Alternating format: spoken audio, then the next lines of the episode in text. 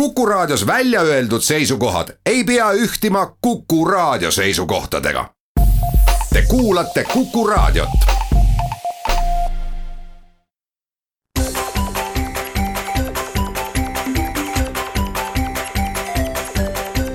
maksumaksja koostöös Eesti Maksumaksjate Liiduga.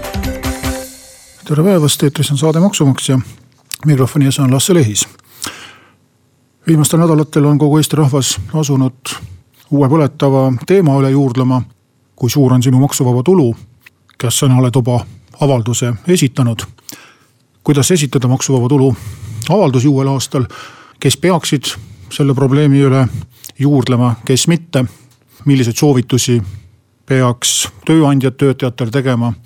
kes peaks mida uurima, kes peaks lihtsalt ignoreerima kogu seda uudistevoogu tegelikult on sellele küsimusele lihtsaid vastuseid raske anda. sellepärast, et tõepoolest see, mis meil uuel aastal ees ootab, on paljuski segi löönud meie harjumuspärase käsitluse tulumaksust.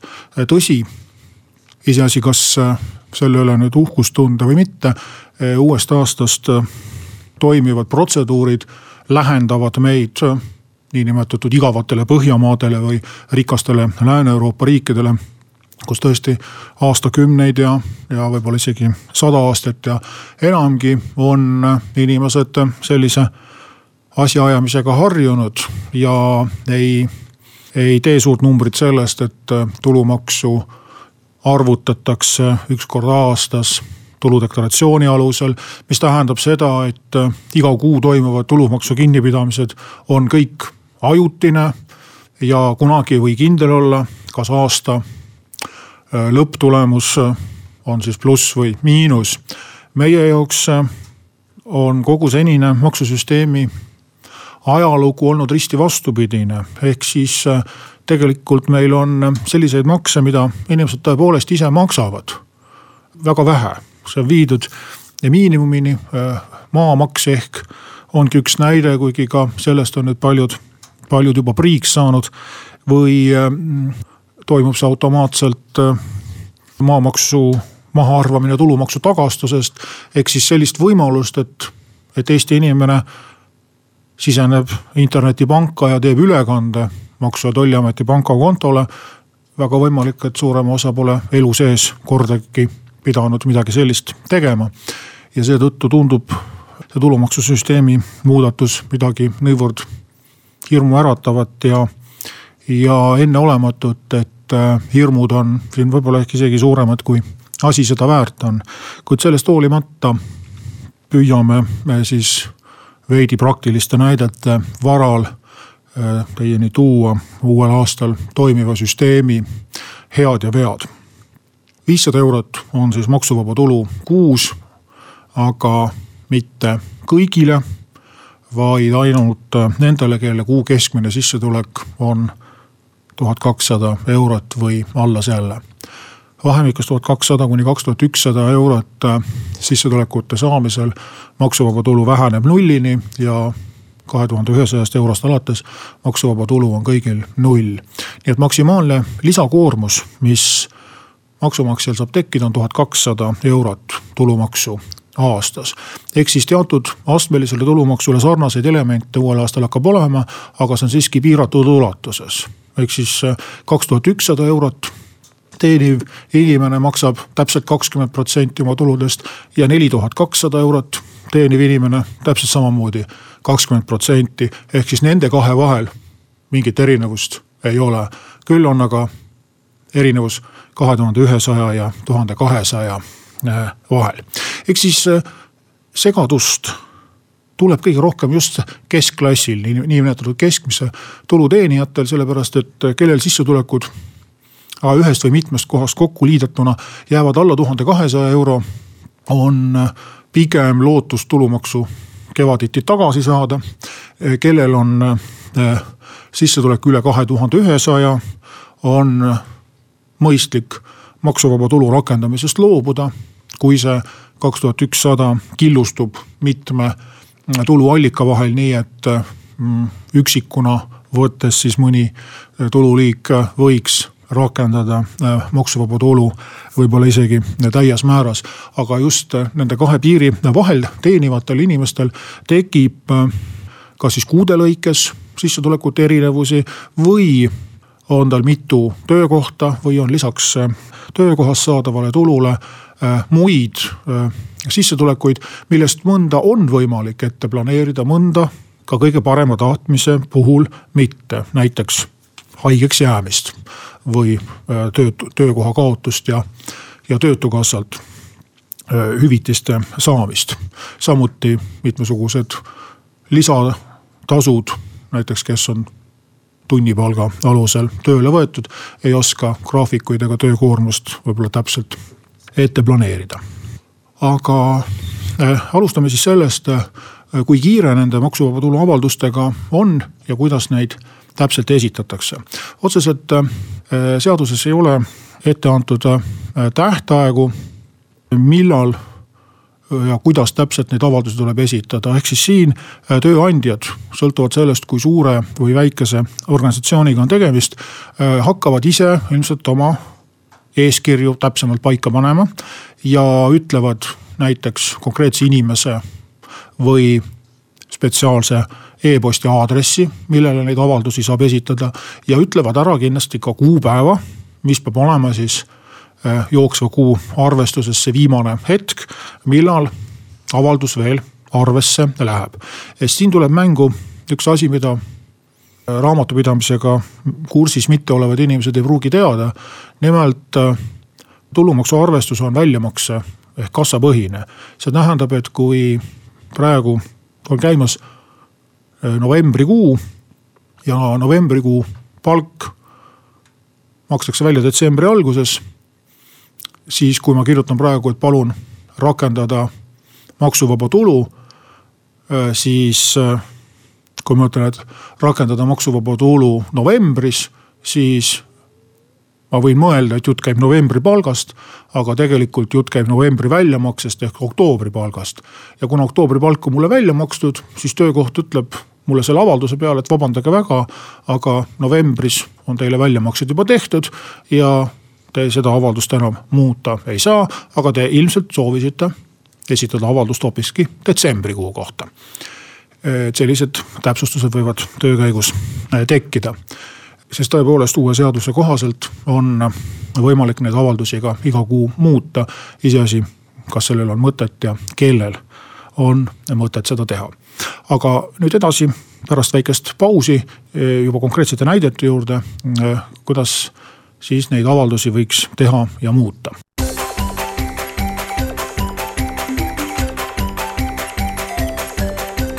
Maksumaksja koostöös Eesti Maksumaksjate Liiduga. saade Maksumaksja jätkab maksuvaba tulu avalduse esitamine. kuna uus tulumaksuseaduse muudatus hakkab kehtima kõikidele väljamaksetele, mis tehakse pärast esimest jaanuari kaks tuhat kaheksateist, siis tegelikult on avalduste esitamisega juba kiire, sest me peame ilmselt juba mõistliku aja jooksul detsembrikuus enne pühi oma raamatupidamist oma tööandja raamatupidamist sellest teavitama, kuidas ma siis uuel aastal soovin oma tulumaksu käsitlust äh, näha. ja kui inimese sissetulekud on alla tuhande kahesaja euro, siis on kõik väga lihtne, tuleb kirjutada avaldus, õigemini ei olegi vaja midagi teha, sellepärast et äh, kõik varem esitatud avaldused on jätkuvalt kehtivad. ehk siis äh, kellel on esitatud avaldus praegu kehtiva seaduse alusel, siis lihtsalt saja kaheksakümnest eurost saab viissada. kellel on sissetulek üle kahe tuhande ühesaja, võivad põhimõtteliselt ka mitte midagi teha, sellepärast et äh, see, et on avaldus esitatud, ei tähenda, et maksuvaba tulu saaks ka sellises summas rakendada, mis avalduses kirjas on, ehk siis kui seaduses on valem ja see valem annab kahe tuhande ühesaja euro puhul maksuvaba tulu suuruseks nulli, siis nii ongi. Ja minu avaldus selles olukorras enam äh, kellelegi korda ei lähe. küll aga võib juhtuda selline asi, et kui mina, kõrgepalgaline, lähen puhkusele ja soovin, selline õigus igal töötajal on, et puhkusetasu makstaks välja enne puhkusele minekut, siis äh, võib juhtuda selline asi, et üks kuu, mis on siis puhkuse kuu või ka samamoodi näiteks haiguse ajal. juhtub nii, et ühe kuu väljamakse on palju väiksem kui tavapärane ja kui mul siis selline vaikimisi nii-öelda avaldus on kuskil omaette nii-öelda tiksumas, siis nii kui mingisugusel põhjusel minule tehtav väljamakse mm, kukub alla mm, kahe tuhande ühesaja euro, hakkab see avaldus kehtima ja sellel kuul tuleb äh, siis tulumaksu äh, vaba miinimumi rakendada. olgugi, et on teada, et aasta kokkuvõttes ma kaotan selle maksuvaba tulu ja pean tulumaksu juurde maksma. see tähendab, et äh, selliste olukordade vältimiseks on tegelikult mõistlik aga kõrgepalgalistel ikkagi esitada avalduse tühistamise avaldus, ehk siis teavitada oma tööandjat, et ma ei soovi maksuvaba tulu rakendamist, isegi siis, kui mingil põhjusel see võimalus äh, mingil kuul peaks tekkima. noh, loomulikult ei, ei ole see ilmtingimata vajalik, sellepärast et kui nüüd ühe kuu eest ka see maksuvaba tulu arvesse läheb noh, siis ma jään riigile põhimõtteliselt sada eurot võlgu.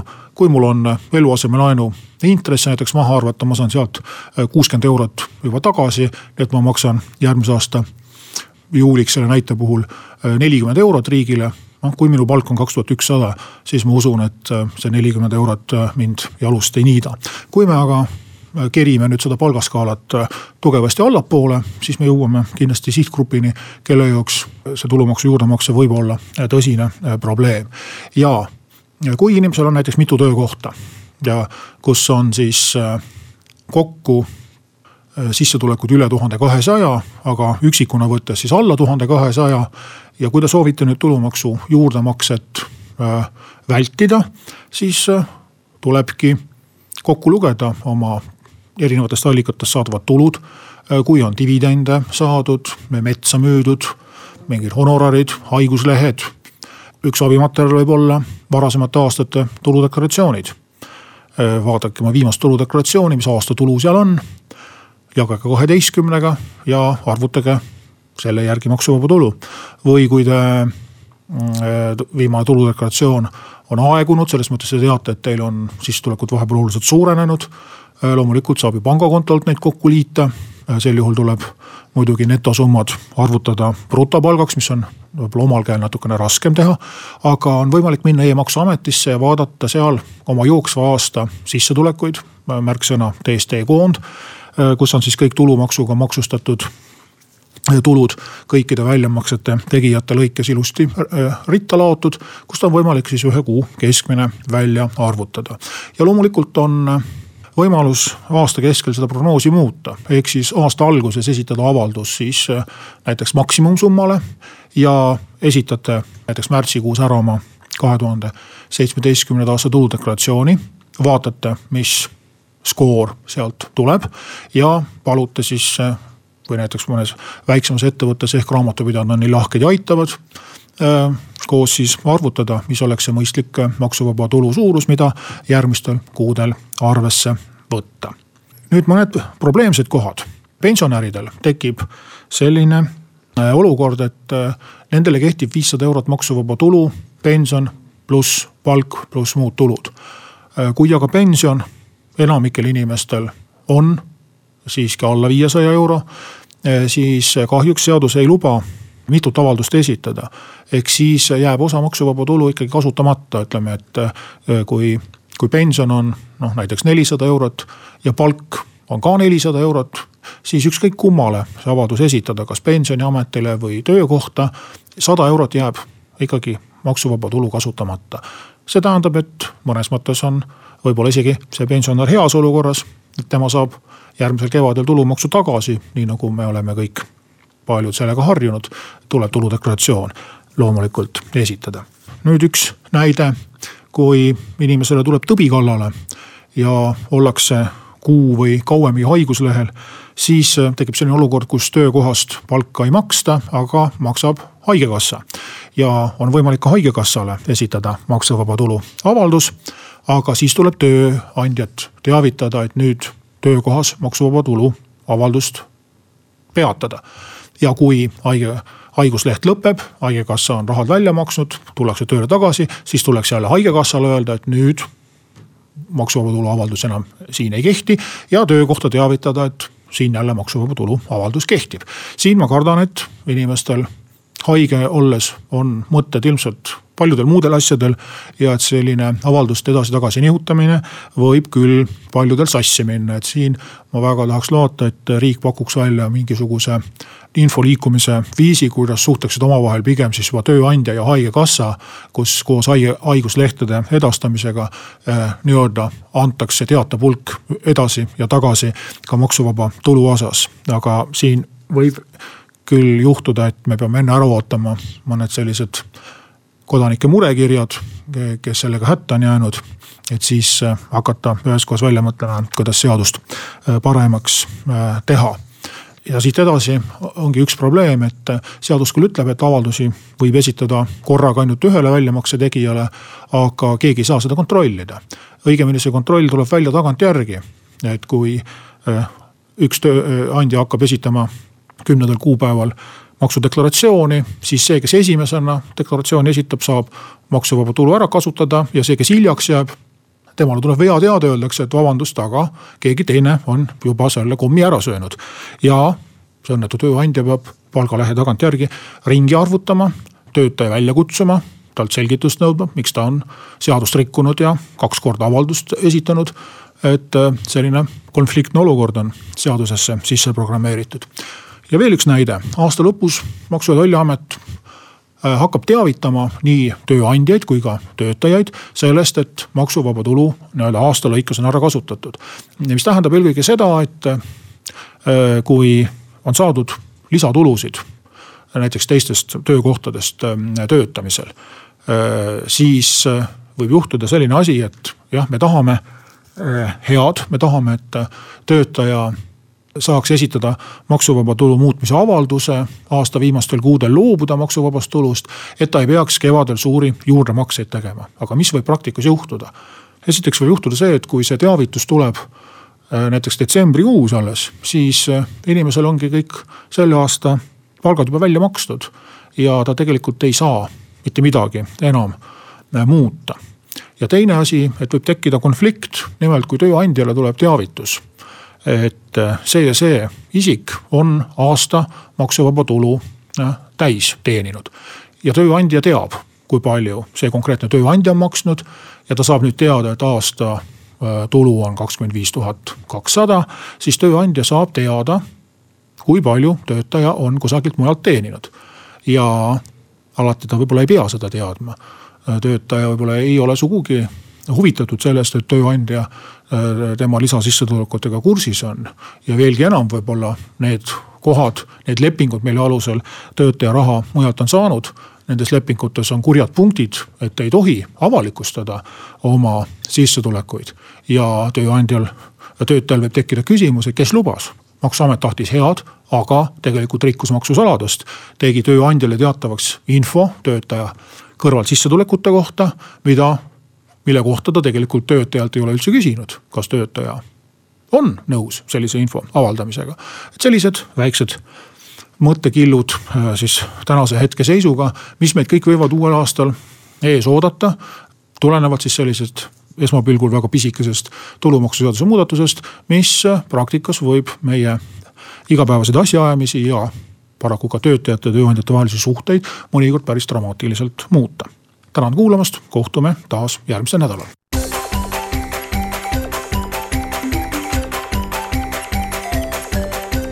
maksumaksja koostöös Eesti Maksumaksjate Liiduga